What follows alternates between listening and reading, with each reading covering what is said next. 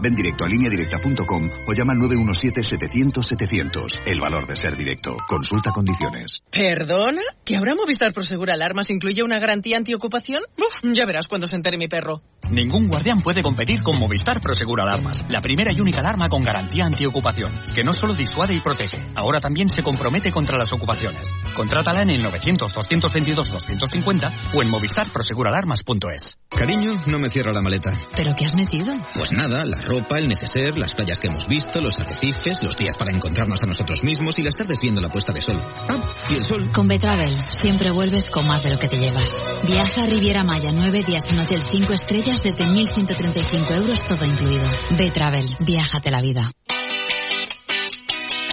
Ser Catalunya. La força de la conversa. Ràdio Manresa, 95.8 FM, 1539 on a mitja, cadena 100.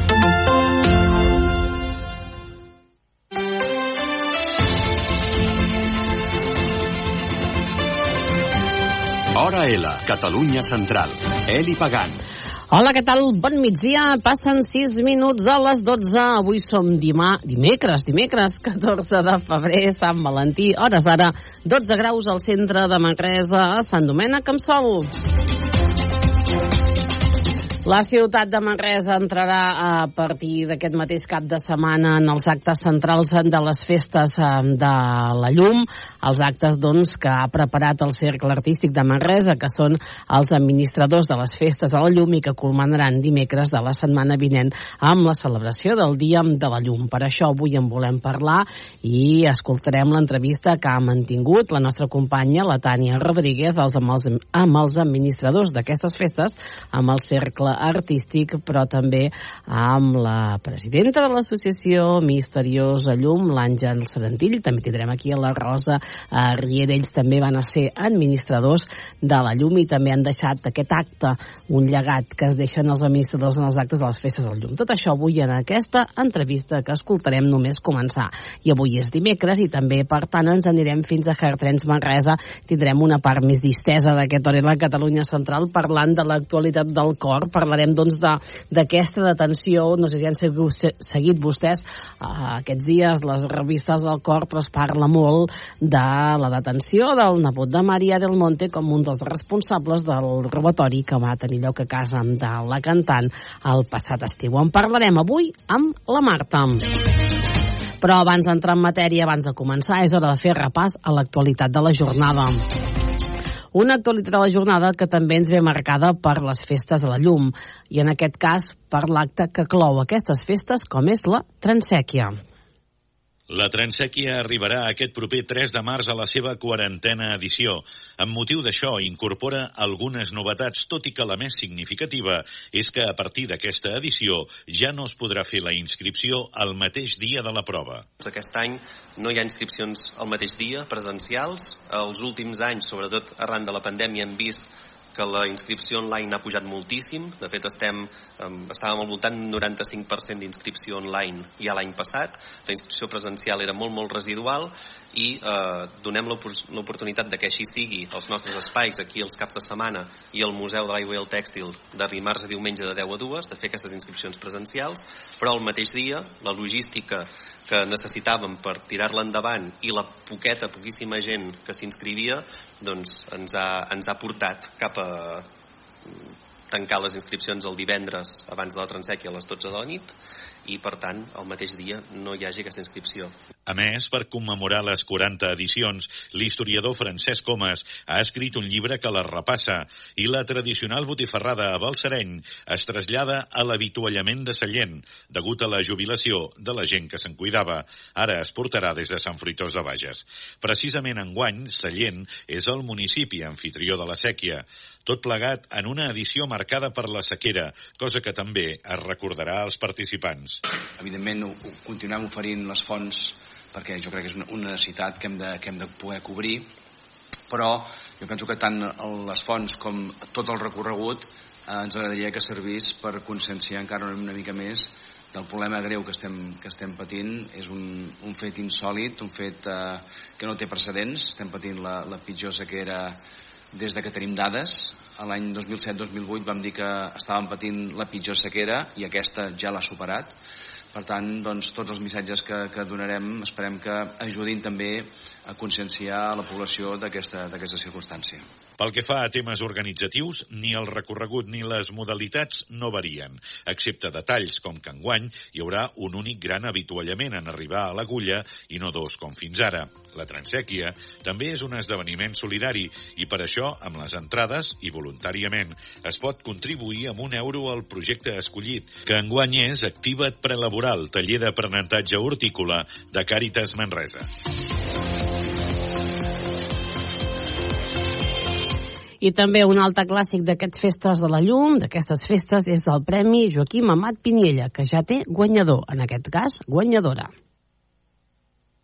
L'obra La mestra i la bèstia d'Imma Monsó ha resultat guanyadora de la 24a convocatòria del Premi Joaquim Amat Piniella, que es concedeix a una obra publicada la temporada passada i que retrati algun aspecte dels moviments socials contemporanis. El premi, convocat per Òmnium Bages Moianès i l'Ajuntament de Manresa, vol reconèixer la millor obra narrativa de temàtica social contemporània de la temporada. El jurat del guardó ha reconegut en la novel·la de Monsó la narració de la sortida al món d'una jove mestra en un poble del Pirineu a començaments dels 60. Sense ser autobiogràfica, l'escriptora planteja un volum que reuneix tots els seus dols del passat, el de la més llunyana mort del seu pare, com el de la més recent de la seva mare. El jurat ha triat l'obra de Monsó, La mestra i la bèstia, entre les quatre finalistes d'enguany, entre les quals, a més de la guanyadora, hi havia el 32 de març de Xavier Bosch, 1969 d'Eduard Márquez i París érem nosaltres d'Andreu Claret. L'acte de lliurament, obert a tothom, serà el 22 de febrer, emmarcat dins la Festa de la Llum, a l'Auditori de la Plana de l'Om de Manresa. Coincidint amb el 50è aniversari de la mort de l'autor que dona nom al premi, enguany el lliurament del guardó estarà precedit per un recital de poemes de l'exili de Joaquim Amat Piniella, pertanyents al llibre Les Llunyanies, a càrrec de l'actor Ivan Padilla i amb l'acompanyament musical de Joget. L'escriptora lleidatana s'endurà els 2.000 euros del premi i l'estatueta del reconegut escultor manresà Ramon Oms.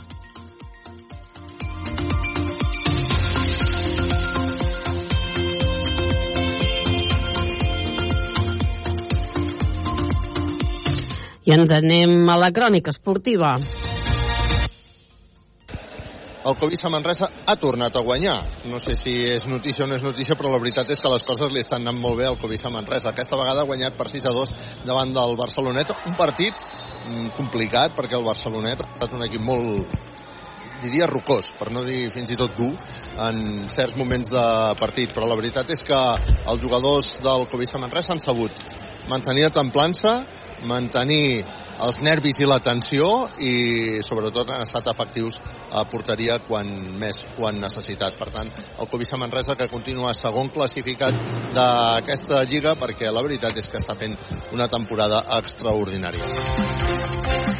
Doncs felicitats pel Covisa Manresa i aquesta setmana que estarem molt pendents de la Copa del Rei de Bàsquet que arrenca ja amb la participació també divendres a les 6 de la tarda del Baxi Manresa que ha de jugar contra el Barça.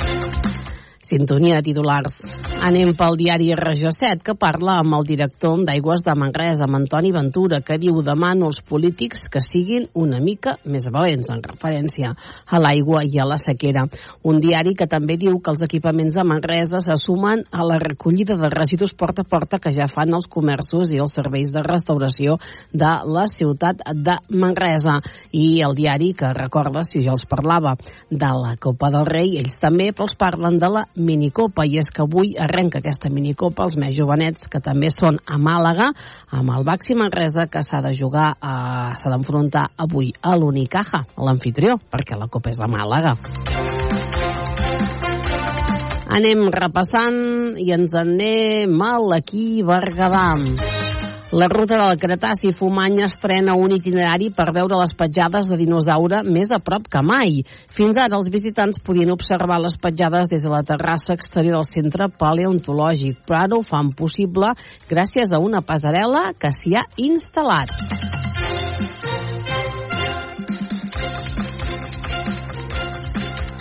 Ens anem al Nació Digital Solsona. El bisbe de Solsona alerta que les ideologies dominants ataquen la institució familiar.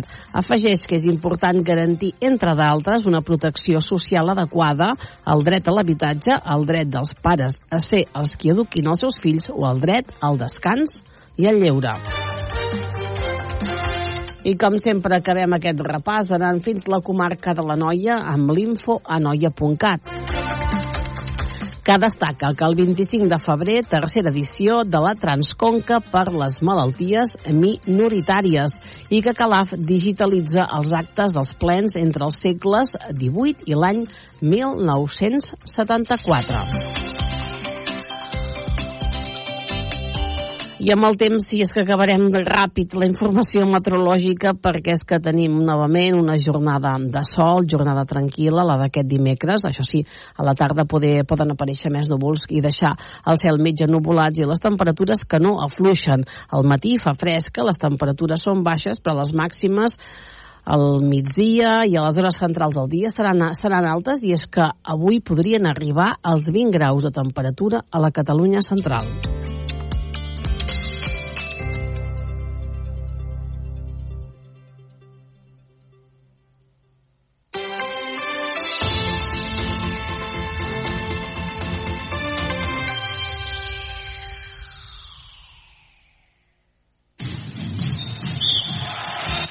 Les campanes. El Baxi Manresa jugarà la fase final de la Copa del Rei de Bàsquet, una competició reservada als millors.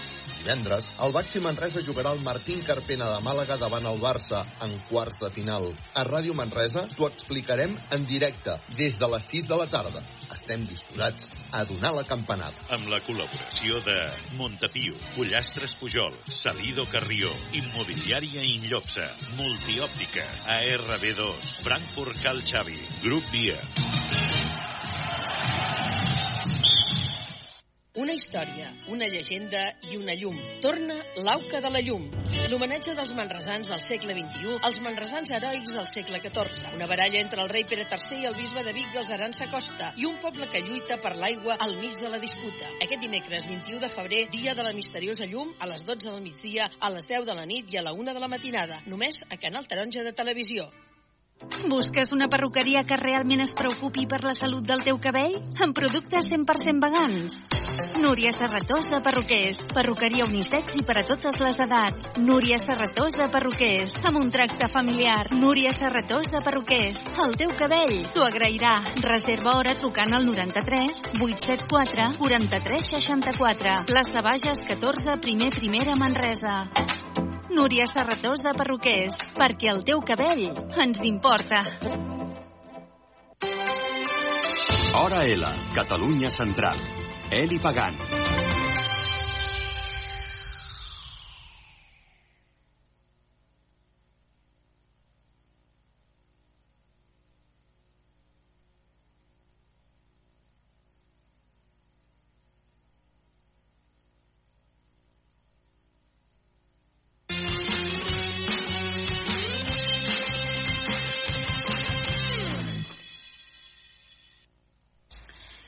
El proper 21 de febrer se celebra la Festa de la Llum de Manresa. Unes festes que s'allarguen en el temps, no només el dia 21 de febrer, sinó que ja han començat. De fet, van començar aquest passat cap de setmana, el dissabte 10 de febrer, amb la primera de les activitats d'aquesta Festa de la Llum d'aquest any.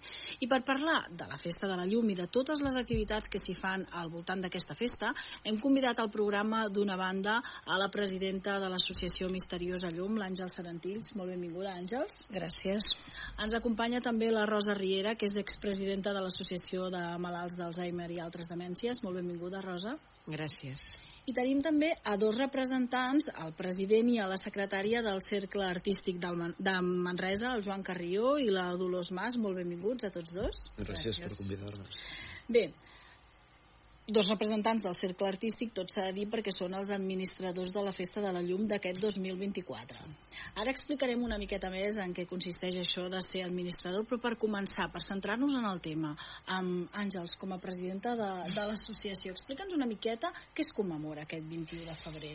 Uh, commemorem, de fet, celebrem una de les festes més antigues de la ciutat, eh, ens, ens hem de remuntar al segle XIV, 1345, eh, se soluciona un, un conflicte prou enquistat a la ciutat, més situat en una, en una eh, diguem que en una esfera eh, semblant a l'actual, eh? és a dir, època de molta sequera, molta penúria, Uh, gràcies a Déu no tenim la penúria, però sí que estem reproduint una sequera, una sequera que portava molts anys eh, eh, fent malbé als cultius, eh, provocant molta fam i molta, molts morts a, a la ciutat i a la contrada en general i es troba una solució que és la sèquia, es desenquista un conflicte que no hi entrarem a explicar-lo, però eh, l'explicació a la resolució que ens agrada molt celebrar és la d'un prodigi, la d'un misteri, oi? Que,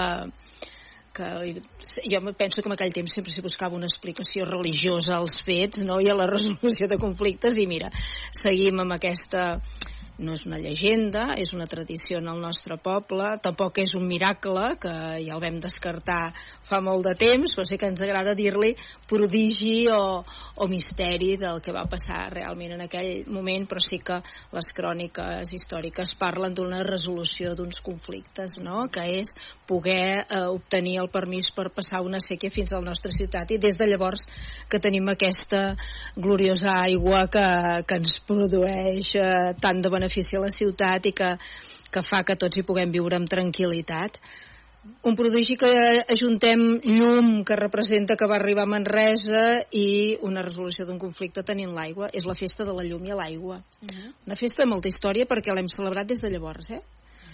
Diuen que només en dues petites pauses, això m'agrada molt dir-ho perquè són dues pauses en moments històrics molt, molt, molt importants. Un, evidentment, va ser la Guerra Civil i l'altre va ser també un conflicte polític i de guerres externes, etc que el país no estava pas massa bé, però passat d'aquests quatre anys és, un, és una festa que l'hem anat celebrant amb, amb, bueno, amb molta regularitat i amb, i amb molt d'èxit, sobretot aquests últims anys, molt participativa, molt, mm -hmm amb entitats que col·laboren i fan molta, molta, molta feina i ens ho explicaran després ells, eh? molta feina. Una festa històrica i molt manresana, sí. però que, que, que no queda només el dia 21 de febrer, sinó que s'allarga en el temps, com dèiem. Però mm, abans de comentar tots aquests actes que ja, ja s'han iniciat i que es faran al llarg d'aquests dies, com funciona? Perquè dèiem, el Cercle Artístic de Manresa és l'entitat organitzadora, administradora, perdó, administradora. administradora de la Festa de la Llum. Com funciona? Perquè també hi ha una associació, l'Associació de la Misteriosa Llum. Àngels, per, per entendre-ho. Sí, l'Associació de la Misteriosa Llum és eh, l'hereva d'una antiga cofreria, evidentment amb unes arrels molt religioses. Ara és una festa eh, laica i del poble, preparada pel poble i per al poble, diguem-ho així. Eh?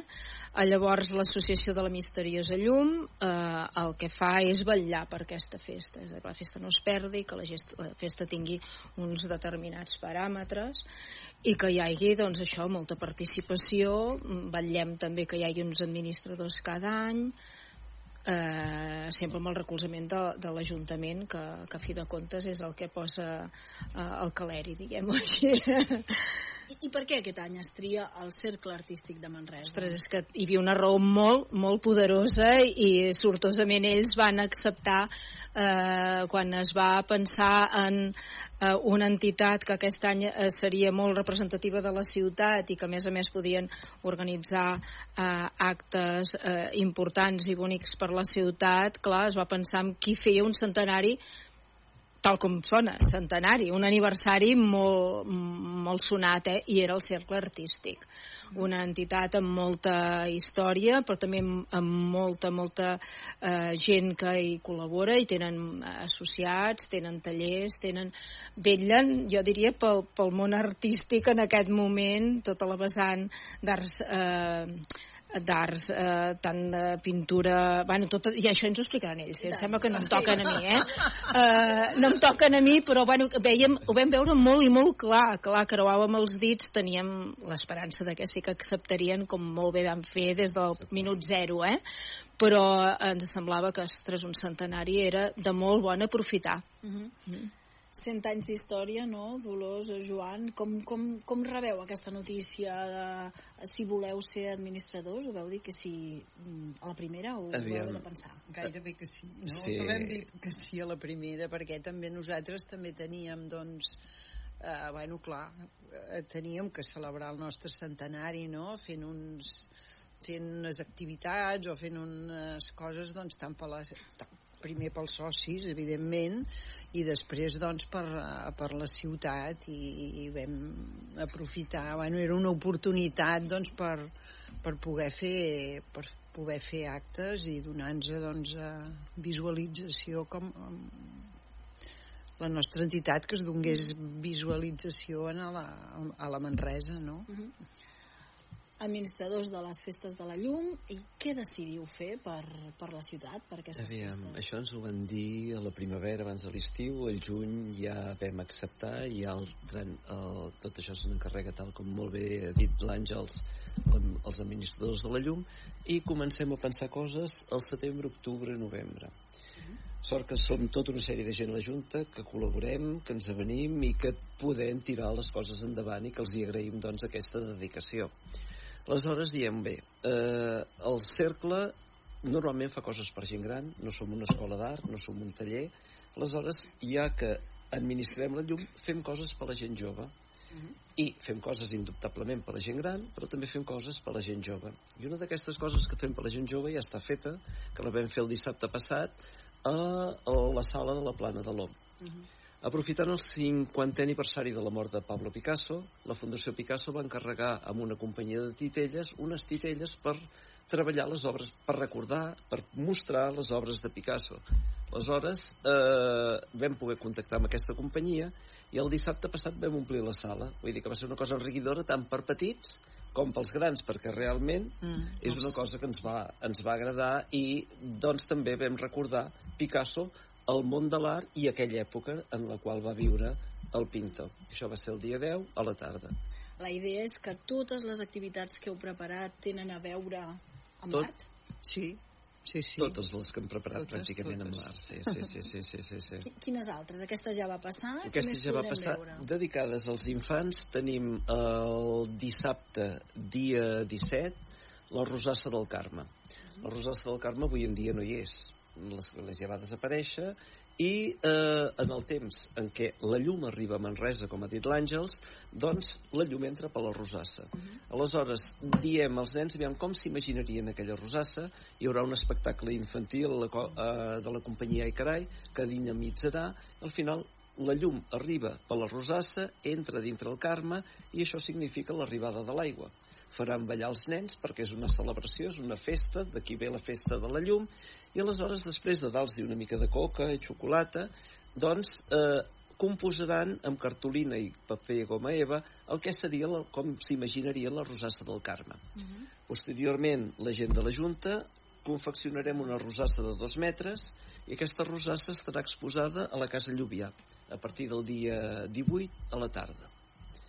Una altra de les coses que fem és concurs de pintura ràpida infantil i juvenil. A partir de 6 anys, i si venen més petits també els acceptarem acompanyats dels pares, doncs eh, el dia 18, que és diumenge, a partir de les 9 del matí, hi ha segellat de papers o teles, hi haurà tres categories, de 6 a 10, de 10 a 14 i de 14 a 18. Un premi per cada categoria, però tots els assistents tindran un petit obsequi per recordar la festa de la llum i per recordar doncs, la gent el, el cercle artístic de Manresa. Aquestes tres coses les fem per eh, difondre l'art en el món dels infants i joves, perquè fem tallers, però som per gent gran, no som una escola d'art, fem la pintura ràpida de la llum, que també és el diumenge, però convoquem els pintors més d'hora, de 9 a, ai, de 8 bueno, sí, eh, a 10 del matí, aleshores els pintors venen molt ràpid sempre, perquè tenen el temps limitat, els joves vindran una mica més tard, i esperem doncs una bona participació. Tal i com va ser el dissabte que vam omplir la sala esperem que tant la rosassa que es fa a la plaça de Cri Rei com la pintura ràpida doncs tingui un èxit i ens ajudi a difondre el cercle i a, i a cultivar tota la part artística que a la ciutat de Manresa sempre n'hi ha hagut molta però bueno, és una manera de- de- d'anar-ho promocionant i anar tirant endavant Mm -hmm. Sovint es demana a les entitats administradores que facin algun d'aquests actes amb la intenció, amb la voluntat que perduri en el temps. Bé, sí, la... uh, el que farem que serà que perdurarà en el temps serà una trobada, una convocatòria d'Urban Sketch que la fem juntament amb la, el dia de la Fira de l'Aixada el dia 25, diumenge 25, de 11 del de 10 del matí a 1 del migdia, hi ha una trobada d'Urban Sketch, ens ajuda el Cercle Artístic de Mollà i d'altra gent que està més ficada dins del món de l'Urban Sketch, aquí a Manresa. No hi estem tan ficats i és una manera de promoure-ho. I això sí que pensem fer-ho els altres anys. Eh? Per què? Què és això de l'Urban Ah. Sketch? No s'explica. Well, L'Urban Sketch és una modalitat de dibuix, de, de veure, de, de dibuixar, vull dir que, que, és, que potser és, ha vingut més cap a, cap a aquests, aquests últims anys, no? I que, que té una tradició doncs, eh, de pintar doncs, pràcticament es pinta, es pinta les racons de la ciutat, racons de, de pobles eh, i es troben una sèrie de, de pintors o d'artistes o de dibuixants que els hi agrada aquest tipus i, bueno, i pinten doncs, un racó de, de la ciutat o diversos racons eh, i tots doncs, pinten el, el mateix durant un temps limitat ho pinten directament, hi ha molts que ho fan directament amb una pluma o bé amb un retolador i després doncs hi apliquen color amb aquarela o, o no. Bàsicament ho fan amb aquarela. Això ho fan amb una llibreteta, és a dir, que no munten allà tot el, tota la prefernàlia d'un quadre, no? sinó que ho fan amb una llibreteta i, i inclús doncs, eh, s'hi pot escriure. És com, no sé, com uns quaderns de viatge o sí. això. Eh? És, és bonic. Bueno, Aquests són els actes nous, no?, diguéssim, de- d'aquest any, que Eh, sí, també hi ha el, encara n'hi ha més. el dissabte, dia 24, eh, eh, inaugurarem el monument a Ah, la dona sí. artista. Mm. Eh, ens ha semblat que de pintors i pintores, de ceramistes, n'hi han moltíssims, però potser la dona no ha sigut mai tan visualitzada, no dic reconeguda, eh, visualitzada, com la part masculina. Mm. Aleshores, a nivell de Junta vam dir, goita, potser sí que fem un monument que quedi per la ciutat, serà un monument senzill, indubtablement perquè no disposem d'una quantitat monetària suficient per fer una cosa molt gran, però la idea és aquesta, reconeixement a la dona artista, n'hi han hagut tota la vida, des de que la dona és dona i l'home és home, i serà un petit monument que s'estarà instal·lat. Eh, s'inaugura el 24 confluència carrer Barreres, carrer de la Mel. Hi ha una plaça que encara està per urbanitzar doncs en allà, aleshores penso que per les dones artistes i en general per les dones de Manresa i de Catalunya tindre un monument d'aquestes característiques és significatiu i aprofitem doncs això, a reivindicar el treball de la dona dins del món de l'art I, i l'ha fet una dona, aquest monument? Aviam. Pràcticament que sí. Pràcticament sí.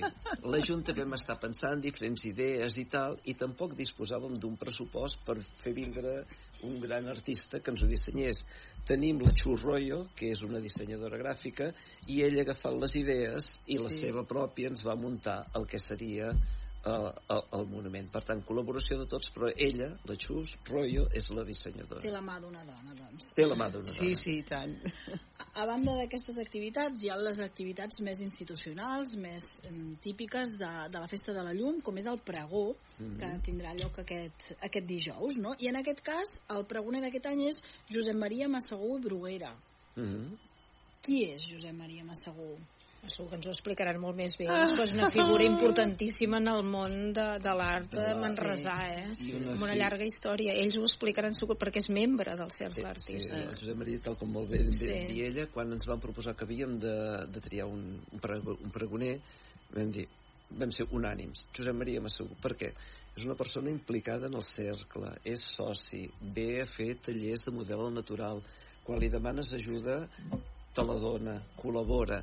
I és un pou de ciència pel que fa al món de l'art i a la història de Manresa, amb la qual cosa diria que hem trobat la persona de seguida. Va dir que sí. Eh, el pregó segurament que serà molt enriquidor i us parlarà doncs, dels inicis aquests que van començar al bar de la Gàbia amb tota una sèrie de pintors que, venia, que havien estat a París, que venien de fora, que volien una pintura no tan tradicional, sinó més impressionista, més moderna, i ell us ho explicarà. Per tant, no m'avanço en el que serà el, possiblement una part del seu pregó. Mm, escoltarem dijous, eh? Sí. Aquest dijous a les 7 de la tarda al Saló de Sessions. sí, el lloc tradicional. Deia abans que eh, sovint es demana als administradors que alguna de les activitats que es fan perdurin en el temps i una d'aquestes activitats que està perdurant és la que van instaurar des de l'Associació de Familiars de Malalts d'Alzheimer, no, Rosa? Sí. Abans deixa'm fer una mica de preàmbul. Eh, referint-me al Josep Maria Massagú, jo vaig ser administradora a l'any 70, llavors era títol personal, esclar, parlem de 54 anys enrere, eh? Uh -huh. I el Josep Maria Massagú ens va fer la portada eh, del programa de la llum. I ara em va fer gràcia que fes el pregó i això quan ja fa 54 anys ja l'havíem escollit amb ell doncs per ser el que ens fes el programa i ens va col·laborar amb diverses coses. Eh? És una Mhm, mica, sí, vull dir, referint-me també al Josep Maria Massagú. A veure, nosaltres, nosaltres l'any 2012 eh, ens van demanar per ser administradors de la Festa de la Llum. És clar, érem una associació de familiars de malalts, que sí que tenim socis, però que són socis més dedicats al malalt que no pas a fer activitats a fora, però ens vam sentir, vull dir que la Junta eh, ens vam sentir prou forts com per acceptar-ho. Eh, vam fer tot un seguit de, de coses noves, temes nous. Vam començar doncs, amb, amb una exposició eh, Aigua, Llum i Festa, no sé ara si és aquest o Festa, Aigua i Llum, per començar a recollir material eh, i, i fer implicar-hi totes les entitats que havien tingut alguna cosa a veure en la Festa de la Llum. Perquè des de cavallers eh, bueno, a tothom, els, els gegants tots, i ho vam fer al casino una exposició i, mm, que hi havia de tot material que ja havíem anat demanant i des de llavors que es, es recull material eh, que està penjat a lo que és la meva llum a l'Ajuntament i és a partir d'aquí que vam dir és que és necessari mm, mm, recollir-ho, fer memòria fer memòria i tal. I, i aquí potser penso que va ser una mica la base de, del fer memòria perquè en allà vam trobar molta documentació. I llavors, és clar, nosaltres com a associació què podíem fer de, de continuïtat? Vam fer coses noves eh, va ser el primer any que es va fer el pacte de la Concòrdia diferent del d'ara però el pacte, de, llavors sí, doncs me'n recordo, eh, hi havia el Pere Bonet, hi havia metges, perquè és que nosaltres vam tibar molts taules rodones amb metges, amb, amb familiars, cos, coses d'aquestes molt dedicades a la malaltia o, o una mica a la salut en general. I, i, però vam fer, aquest vam fer el programa que a partir de llavors és junt amb el programa de la Festa de l'Aixada, i els dos, un per un costat i l'altre per l'altre, que si no se'n feien dos com si fossin dues coses completament diferents. Mm -hmm. Vam començar aquí i llavors el demanar-nos això, és clar, nosaltres de les coses que havíem fet trobada eh, infantil de bàsquet de, de totes les comarques que van venir quantitats de nens perquè eren d'escoles de bàsquet això no ens lligava amb l'associació l'únic era fer memòria i com que en aquella exposició vam començar a recollir i a pensar, la gent tots t'explicaven coses que havien fet, gent que feia anys que ningú els havia dit res, bueno, va anar molt bé, i a partir de llavors vam dir, doncs saps què, cada any farem un acte que com a títol genèric porti fent memòria de la Festa de la Llum. Llavors, el primer any, eh, bueno, abans de dir res, he d'agrair a la Glòria Ballús i a l'Antònia Maria Gorgas que aquests anys hem treballat tot això com un equip. Perquè la Glòria és un pou de ciència i li agrada aquestes coses i l'Antònia Maria quan nosaltres vam ser administradors ella era la presidenta de l'associació eh, Misteriosa Llum bueno, de l'associació de la Llum. Llavors doncs hem anat fent fins ara eh, doncs com un equip totes tres. Llavors el primer any recordo que vam dir va, els administradors que fa 50 anys que ho van ser. I vam començar doncs, pels administradors que feia 50 anys. Després vam començar doncs, a, per mitjans de comunicació, eh, que també s'hi havien implicat molt. Eh, els escrits, els, els de la ràdio, en aquella època, anys enrere, la ràdio hi havia pregons que es feien per la ràdio i, bueno, la ràdio, després vam començar que si la llum i la dansa, la llum i la música, um, i últimament ho han tomat molt la Glòria Ballús, eh? vull dir, ella aquest any que també participa, doncs eh, ho fa ella, la, la xerrada, us entrevista a vosaltres, es passarà una pel·lícula del Ramon Riu que ell té sempre aquests records com que ho filma tot, ho grava, ho ordena i és molt valiós que la gent vagi coneixent i vagi veient la llum que s'ha fet, com evoluciona i és, és important i aquest any doncs bueno participeu vosaltres durant 10 anys em sembla que era del 60 al 70, el 70. del 60 al 70 i a la plana de l'OM el dia 28 que és un dimecres a les 7 de la tarda tothom hi és convidat i ens agradaria molt complíssim mm. és obert a tothom eh? sí, sí, sí, sí, sí és obert a tothom eh? no sé, si voleu algun altre però he dit així molt una mica un, un resum i ja dic, eh, la Glòria Ballús un agraïment especial i a l'Antònia Maria Gorgas mm -hmm. això hem dit dia 28, 28, 28, un dimecres a les 7 és, de la tarda a la plana de l'OM. Mm -hmm, sí. Passada el dia festiu, eh? Sí, passat el dia passat 21. el 21. Si, si, si parlem una miqueta cronològicament dels actes més tradicionals i típics de cada any, comencem, hem, hem parlat del pregó, però també tenim el cap de setmana, en aquest cas s'ha concentrat el cap de setmana, no? 17 i 18, Jardins de Llum. Mm. Sí, si em permets, hi ha una cosa molt bonica que és el pregó infantil, que a vegades el passem... Mm. Penso que és important que el remarquem perquè són el futur de la ciutat. Mm. I, I penso que des de que es fa el pregó infantil, que si, si veuen, eh, a veure, el, els infants eh, estan integrats a la festa des de l'escola i que es parla de la festa i de la tradició d'aquesta festa i de la seva història i que ells fan aquest esforç d'incorporar-la en, en, a la seva vida i en els seus coneixements, no? eh, que la festa és més participativa.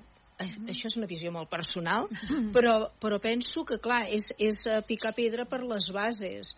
Eh, eh, comencem pels més petits i els, i els involucrem amb la festa. Uh -huh. i eh, remarcar que després del dels grans diguem de, de l'institucional el divendres hi ha el dels l'infantil. que té mm, bueno, una participació fantàstica aquest any toca l'escola a les bases cada any és una escola diferent i no es va deixar de fer ni per pandèmia eh, que recordo que jo estava en el galliner com a membre del galliner i vaig eh, clar, hi va haver el seu què, no? Eh, sé que la sala de plens va estar buida de, de personal, només hi havia l'escola, però hi vam ser presents, doncs, tot, tothom que hi havia d'estar present i es va filmar, es va emetre sí. per tothom, vull dir, hi va participar, sí, sí. fins bueno, els mitjans de comunicació hi vau participar i penso que és important de remarcar, perdona, eh? No, no, no, els, la festa, de, vull dir que els jardins de llum són importantíssims i a més a més eh, són una cosa molt i molt bonica, però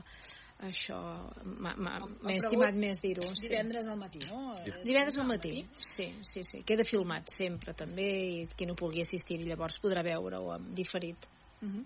i arriba el cap de setmana tenim, i tenim els famosos i, i ben eh, preparats jardins de llum amb, amb la Roser Adober que, que hi posa moltíssim d'entusiasme i, i les tècniques de, de l'Ajuntament que, que fan una feina excel·lent i queda cada any una cosa, mm, penso que d'una transcendència molt important per la ciutat, jo diria que fins i tot de país, perquè eh, aquest any el desè aniversari, uh -huh, molt important, sí. per tant ja tenim una tradició eh, que es va mantenint en el temps i que cada any guanya en participació. I, i penso que en qualitat aquest any serà extraordinari. Mm, a més ja, ja han fet una trobada prèvia... Sí, un dissabte matí, eh, bueno, molt, molt, molt, molt ben preparat, amb uns artistes, eh, no, no em feu dir noms perquè no us els diré perquè és que no me n'en recordo ara en aquell moment, però eh, gent de, de molt de renom, amb coses molt molt xules, molt ben preparades, per tant, molt recomanable, que a més a més es fa dos dies, que era ben, ben bé una llàstima quan es feia només un dia, perquè hi havia muntatges que eren molt costosos i molt elaborats, que clar, és que el veies molt poquetes hores, era una llàstima, penso que va ser una gran pensada poder-ho fer dos dies. Durant tot el cap de Sí, setmana. tot el cap de Mhm. setmana, sí. I el dimarts dia 20, al vespre, també tenim actes molt tradicionals ja, com l'encesa de la nova llum, també... L'acte de la Concòrdia, que es fa des de l'any passat que es fa a la plaça Europa, un lloc bonic, a més a més eh, tenim el monument de la llum allà a la plaça mateix, eh, eh, queda ben lligat i, i és, bueno, des d'aquells actes que han anat perdurant al llarg dels anys i que es van mantenint. Sí que el de la Concòrdia s'ha variat, eh, que abans la Rosa en parlava. Sí, és que no es feia Era-. Conc- el pacte de la concòrdia, en canvi, va acabar amb una concòrdia. Sí, I, sí, per sí. tant, es tenia de... Una cosa és el misteri que es feia a l'església i Sí. després doncs, es va fer fora, però el pacte de la concòrdia eh, si no quedava amb un entredit, no? Vull dir, però no, no s'arribaven a acordar i a, i a, Sí. i a Que és important, eh? pactar-ho. Sí, a la vida és molt important la Sí, sí, sí, concòrdia. sí, sí, sí, sí, sí. I aquest any serà igual que el vam veure l'any passat o renovat? Uh, això potser haurem d'esperar aquell dia, eh? eh? Sí, hem d'esperar aquell dia. Va quedar molt bonic l'any passat, de fet, eh? Uh, però sí que és al mateix lloc, uh, mateix escenari, amb el lligam amb la plaça, per tant, molt important que, que anem tots a veure-ho, eh? Mm-hmm. Perquè, com diu la Rosa, és important el tema de la concòrdia. Sí, no, no, home, jo penso que és important tots els actes de la llum sí, tots, i tots, seria tots. bo que cada entitat administradora de la festa fes un acte perquè enriqueix el programa. Són visions diferents, són entitats diferents, vosaltres, nosaltres, vull dir, sí que és feina, però és un cop l'any i, i participes. Nosaltres, quan ens ho van dir, ens va semblar que, que teníem de fer, però també vam dir, bueno, som una associació que a més a més ens devem a la ciutat i estem oberts a la ciutat. I, bueno, vull dir que per tant eh, encoratjo a tothom que sigui administrador que deixi un acte eh, en el programa. És un bon llegat per la ciutat, un acte, Sí. i molts deixem, bueno, va, parlo com a, com a galliner, que vam deixar també tot un Sí. circuit que s'està fent servir Sí, sí, eh, sí, a través sí. de, No, no, de n'hi ha que ho han de turisme, o es deixen monuments, a part d'actes, ells deixaran a més a més un monument que, que n'hi han déu nhi repartits per la ciutat, en diferents places, en diferents indrets, eh, que també enriqueixen, eh, si més no, el paisatge urbanístic de la ciutat, no?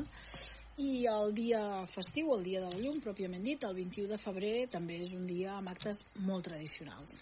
Sí, són els que han anat perdurant al llarg dels anys i que, que per molts anys perdurin, no? Perquè, a més a més, eh, enllacen amb diferents tradicions eh, i entitats. Eh? Tenim des de la imatgeria, tota la imatgeria de la ciutat, aquell dia surt tota, que a més a més agrada molt tant a petits i a grans, eh, i que és un dia bonic perquè surti. Eh, des dels cavallets, eh, bueno, de fet tota la imatgeria surt aquell dia i tenim a la, a la plaça Major un acte central de, fins i tot amb el Valls de la Bolangera bueno, és que és, és, és un dia penso que amb, amb molt de ara no em surt la paraula en català, però amb molt d'empaque no? queda, molt, queda molt, molt ben vestit no? la baixada tenim els geganters tenim, mm, també tenim eh, els eh, castellers que fan aquella baixada tan perillosa per les escales de la seu del Pilar. Eh, tenen un, un pilar que quan el veus dius ostres, ostres, ostres, fan patir però és una passada quan fan eh, sí, és que fer aquell recorregut té el, té el seu què eh? i clar, tenim uns bons castellers a la ciutat per tant aquell dia també els mostrem. Tenim un acte religiós de, de recordatori d'aquells actes que es feien en, en aquell moment, que un any l'oficia el bisbe i l'altre aquest any ens toca a l'abat de Montserrat. És, eh, penso que és, és, un acte religiós diferent en, en si, eh, perquè també hi ha eh, doncs, la participació dels administradors, hi ha la participació de, hereus i pobilles es fan les, les uh, ofrenes. És, és, un, és un acte religiós diferent no és un, la típica missa uh, a l'ús no diríem és que no, no, no té res a veure i després tenim la tronada molt celebrada i tots bé, ja han parlat dels actes a la plaça. Vull dir que mm, és, és un dia això, com solemne però molt participat perquè la plaça Major s'omple de gom a gom. Eh, vull dir que és, fa molt de goig veure-la. He tingut oportunitat de, de veure-la des de dalt al, als balcons de l'Ajuntament i, i la veritat és que fa molt de goig tal com hi queda de plena. Vull dir que és, sí, és bonic i a més aquest any a la tarda coincideix, s'aprofitarà l'ocasió per inaugurar aquest Museu del Barroc de, sí. de Manresa. Sí, sí, molt esperat. I tant. I que tots tenim moltes ganes de veure'l, eh? Vull dir que el, el, el, aquell dia no sé si ho podrem veure tots perquè deu haver-hi tanta gent a, a la plaça amb els actes que també s'hi organitzen que serà serà bonic de veure, però bé, tinc entès que també tindrem entrada gratuïta els dissabte i diumenge sí. de uh, la Fira de l'Aixada, mm. per tant animar, encoratjar tothom a, el dia de 21 a ser a, a la plaça a Sant Ignasi i si no, si no hi cabem o no podem anar-hi, tenim el cap de setmana següent per visitar el museu que tots tenim moltes ganes de veure. Mm. I, òbviament, hi ha més actes, activitats, però no podem parlar de tots. En el programa hi apareixen tots i, com deia, també la Fira de l'Aixada, que també forma part d'aquesta festa de la llum, i fins i tot la Transèquia, no? que és com mm -hmm. l'últim acte eh, el 3 de març, que tancarà aquesta festa de la llum a l'Aixada i a la Transèquia li dedicarem uns altres programes per parlar una miqueta també d'aquests actes, que són uns actes molt multitudinaris. Moltíssimes gràcies a tots per acompanyar-nos i que vagi molt bé, molt bona festa de la llum de Moltes gràcies, gràcies per convidar-nos. Sí, ha sigut un plaer.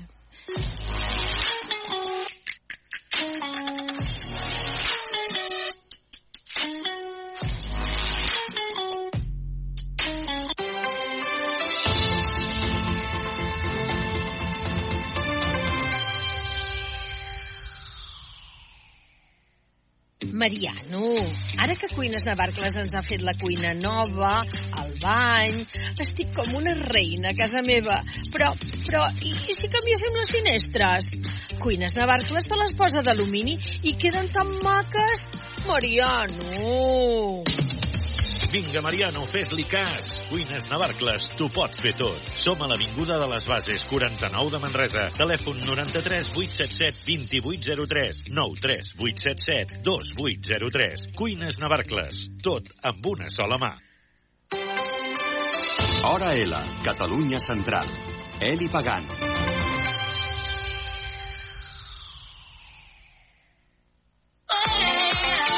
High Trends Manresa, carrer Girona 30, 93 874 89 63. La vida és massa curta per portar un cabell avorrit. High Trends Manresa patrocina l'actualitat del cor. Doncs ens anem fins a Hard Trends Manresa i avui saludem a la Marta. Marta, què tal? Com estem? Hola, molt bé. Bon dia, tot bé? Bon dia, sí. Aprofitant el sol i la caloreta que ens farà. Jo vaig ben arremangada, tinc moltíssima, moltíssima calor. Marta, anem a parlar de robatoris, perquè aquests Vinga, dies, de fet, que és el que ocupa quasi bé totes les portades, o moltes d'aquests dies dels mitjans de comunicació, era, doncs, aquesta detenció de l'Antonio Tejado, que jo vaig pensar qui és l'Antonio Tejado, no en tenia ni idea, però clar, amb el, no? tenia un, el cognom era Sobrino de María del Monte, posem en antecedents el juliol passat, no?, la María del Monte, mentre estava a casa seva amb la seva, amb la seva dona, els van, els van entrar a robar, és a dir, les van lligar a les cadires, etc, etc. Això ha estat en investigació sí. i aquesta setmana, aquests darrers dies, han detingut a l'Antonio Tejado, de fet ha, pas, ha passat a presó provisional, sí. a que seria com un dels, no, no només ell, no, però que seria un dels que devia muntar doncs, aquest robatori a casa de la sí. tieta. Déu-n'hi-do! Déu-n'hi-do, eh? Clar. A part, la, o sigui, la, la, la Maria del Monte, o sigui, eh, era com el seu uh, nebot preferit, no? Bueno, és que no sé si és l'únic, però bueno, el tenia... és allò de... Uh, és allò de... com els fills, no? Lo de criar cuervos, que te sacaran ah, los ojos, no sé. En Aviam. català no sé com és, eh? Però seria una cosa, seria una bueno, cosa així. Bueno, aquest home em sembla que està amb enganxat amb el tema de les drogues i l'alcohol, perquè amb les imatges que es va veure d'ell està super demacrat. Mira que ha estat sempre en parelles super maques, però, bueno, no sé, uh, se li ha anat l'olla total. De bueno. fet, uh, uh, clar, els fets és que uh, van anar a buscar, perquè explicaven ahir els mitjans de comunicació, quan va haver-hi aquest robatori, anaven fixats en, en, en una caixa forta, Directe. que ja Directe. sabíem, que, exacte, molt directes, que sabien quasi bé on era, uh, per tant, la investigació ja feia sospitar que, que aquí... d'algú de l'entorn. Ah, exacte, d'algú de l'entorn que sapigués ben bé on era la caixa forta de la Maria del Monte. De fet, eh, aquests dies ara a lectura es parla fins i tot amb l'exdona de l'Antonio Tejado, Sí. que el titular és Me daba miedo de dejar a Ja, nuestra hija con él, eh? Vull dir que ara suposo que no sortirà res bo d'aquest noi, que es veu que havia anat ja... que era també ja un d'aquests que havia sortit en molts programes de televisió, no sé si Supervivientes o alguna cosa d'aquestes, eh? Sí, el Gran Hermano. Gran que Hermano, també. estat, també, que, bueno, havia agafat també diverses polèmiques, clar, ara si amb un, ara amb l'altre, o sigui, que era un, un seductor d'estos, saps? Vaja, carai, Sí. doncs vinga, vaya seductor, doncs vinga, de moment el seductor el tenim a la presó i es veu que no ho està, no ho està passant eh, gaire, gaire bé. Bueno. I una cosa que m'ha sorprès aquests dies, que segurament perquè tampoc no hi havia pensat gaire, però es veu que la reina Letícia té un Instagram secret per fer el xafarder. M'ha fet gràcia. Ja, a mi també, quan l'he llegit també m'ha fet gràcia. Clar, no hi posa reina Letícia, no? O Letícia clar. Ortiz, eh? Ah, no sé quin nom hi posa, però clar, es veu que com que, que, clar, que li agrada... Aviam, penso, si tu ets mare, clar, tampoc no sé si les filles tenen Instagram, no Clar, no crec, sabem. no sabem com funciona. Però veu que, per exemple, eh, li agrada molt seguir a la Victoria Federica, saps? A la neboda. Sí aquesta icona de la, aquesta icona de la moda que és la, la Victoria Federica. No sé, diu que com que així és una manera de fer doncs el, el xafarder de El poder... xafarder. Que no hi havia pensat mai, però penso, clar, doncs si t'agrada aquestes coses, com ho fas, no? Doncs, pues, Com mira, ho fas? Doncs mira, és la manera. Em creo un- bé, eh? em crea- no malament. em crea un, no? em crea un perfil fals, que és el que fet. Es veu que, aviam, que també també ho fan, si ho fan els fills també ho poden fer les mares, no? Per controlar, per controlar els, els, els, el qui sigui, eh? en aquest cas. Ella diu que ho serveix per, um, per, per fer el xafarder, per, exacte, i per buscar pues, aquestes um, icones de la moda que li agraden i aquestes, um, i aquestes cosetes. Mira, no hi havia pensat mai i quan ho vaig veure em fa molta gràcia. Uh, continuen també les notícies al voltant de la malaltia del rei Carles III d'Anglaterra. Sí. Uh, hi ha hagut un comunicat i qui també uh, es veu que ara ja doncs, Kate Middleton també ha fet algun petit viatge amb els fills, s'han reunit perquè la setmana passada sortien unes imatges del príncep Guillem que el pobre feia bastanta pena, s'ha de dir. Sí, uh, cara, feia molt mala cara, és a dir, estava, està molt més prim, um, ulleres, uh, feia, no? Parpadejava sí. molta estona, que diuen que això és sig- signe de la gent que hi entén, eh, jo no, eh? De, de que està molt nerviós i, i tot això, i també les notícies es parlaven que uh, potser feia preveure doncs, que l'enfermetat de Kate Middleton no era tan senzilla. Segurament és molt més greu, o havia sigut molt més greu, Sí, del, del, que, del que del que ha transcendit en aquest cas. Sí. Uh, sí que es veu que hi ha hagut algun viatge, per tant també fa preveure doncs, doncs, que la seva dona, la Kate Middleton, doncs, està, una mica, està una mica millor, però suposo que ara anirem veient, uh, serà, la gran, serà la gran buscada quan, quan surti una altra vegada doncs, els, els mitjans de comunicació. Exacte, una imatge seva ex- o el que sigui. Exacte, no sabem tampoc... Eh, és, és, és, més, se'm fa estrany doncs, que mm, l'única cosa que veig de la diferència és doncs, el comunicat del, del rei dient doncs tinc càncer, saps? Sí. I de la Kate Middleton, que de moment no es, no es diu res, se sap que hi ha hagut No una opera... res. Quina Mm. malaltia és? No sé per què amb un sí... Um, I l'altre no l'altre no. dir res. No sé Ja. si ho fa perquè No. doncs, el senyor ja és gran i té 70 i pico d'anys i la Kate Middleton potser és jove, no ho sé, eh? és, és la- No. l'única cosa que no em quadra gaire d'aquesta, no? de que amb un sí i amb l'altre I els doncs... altres no. Mm, Veurem si és que ens ho expliquen, no ens ho expliquen o... O no. Ah, ah, molt pendents encara també del judici del, uh, no? del, del fill de Rodolfo Sánchez, sí, o que ara també amb la- amb l'exdona, no? amb Ai, la ai, Sílvia Broncalo, aquesta també hi ha hagut Uh, ja, ara hi ha trifulgues, ara un el diu que el malos tratos... Brrr, Sí, després de tot el panorama que tenen, que el deuen estar passant fatal, Sí. ara fica-li més merder Ja. la cosa. Mm, ara també diu que algun testimoni clau serà la... La que- nòvia, la no? nòvia La exnòvia, o i sí. que pel que he llegit també la família amb la noia l'està protegint força dic home jo també ho faria Home, perquè en el moment que aquesta noia surti als mitjans de comunicació i, i, i després de tot el que va passar, perquè suposo que es veu que hi ha hagut missatges entre, entre el noi i entre ella, doncs això entrarà doncs, a, la, a la causa per, pel judici que, que serà, no sé si el juny o una coseta així, o el maig, no sí, recordo. Sí, que escoltava Ah, mira, no, mira, entre el 9 d'abril i el 3 de maig, vull Mira, dir que això, que Això que això s'acosta. I ens queden 30 segons i abans d'acabar també dir que Cayetano Martínez de Irujo i la Bàrbara Mirjan es veu que no es fan gaire ara. Crecen los rumores de ruptura, clar. El senyor aquest, el Cayetano Martínez de Irujo, s'ha passat els darrers temps defensant a la seva exdona, la Genoveva, no? Sí, a la I, Genoveva. I ha sortit que el Madrid, el pis de Madrid el paga ell, doncs clar, segurament la Bàrbara Mirjan, aquesta, que és la seva nova parella, molt contenta no deu estar, no? No deu estar. Jo, Ja. jo no n'estaria gaire, Jo suposo. tampoc no n'estaria, està clar. Per molt que et portis amb la ex, eh? Exacte, cadascú que es pagui el seu, tu.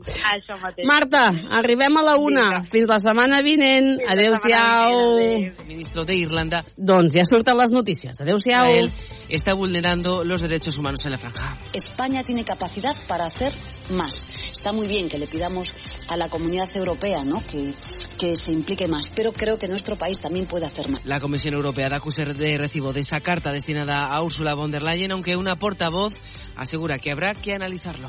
Exigimos a ambas partes que respeten la legalidad internacional y consideramos que quien viole esa legalidad debe rendir cuentas. Así lo hemos transmitido a las autoridades israelíes en nuestros contactos. Sobre la modalidad en concreto respecto al acuerdo de asociación con Israel, es algo que responderemos más adelante porque tenemos que evaluarlo. Sobre el terreno con las negociaciones en el Cairo congeladas para desbloquear el conflicto, el presidente de la Autoridad Nacional Palestina, Mahmoud Abbas, ha pedido en un comunicado a Hamas que llegue a un acuerdo cuanto antes con Israel para la liberación de rehenes. Siguen los problemas para circular esta hora por las protestas del campo en las carreteras de Girona, en el entorno de Sevilla y también en la A4 a la altura de Madridejos entre Toledo y Ciudad Real, donde se ha vivido algún momento de tensión entre los agricultores y los conductores afectados por esos cortes. En ese punto de la A4 está un compañero de la SER, José Luis Fernández. Buenas tardes. Eso es, buenas tardes. A esta hora permanece cortada la A4 dirección Córdoba. Lo estará durante los próximos 20 minutos cuando los manifestantes harán el cambio hacia el otro carril y paralizarán la dirección hacia Madrid.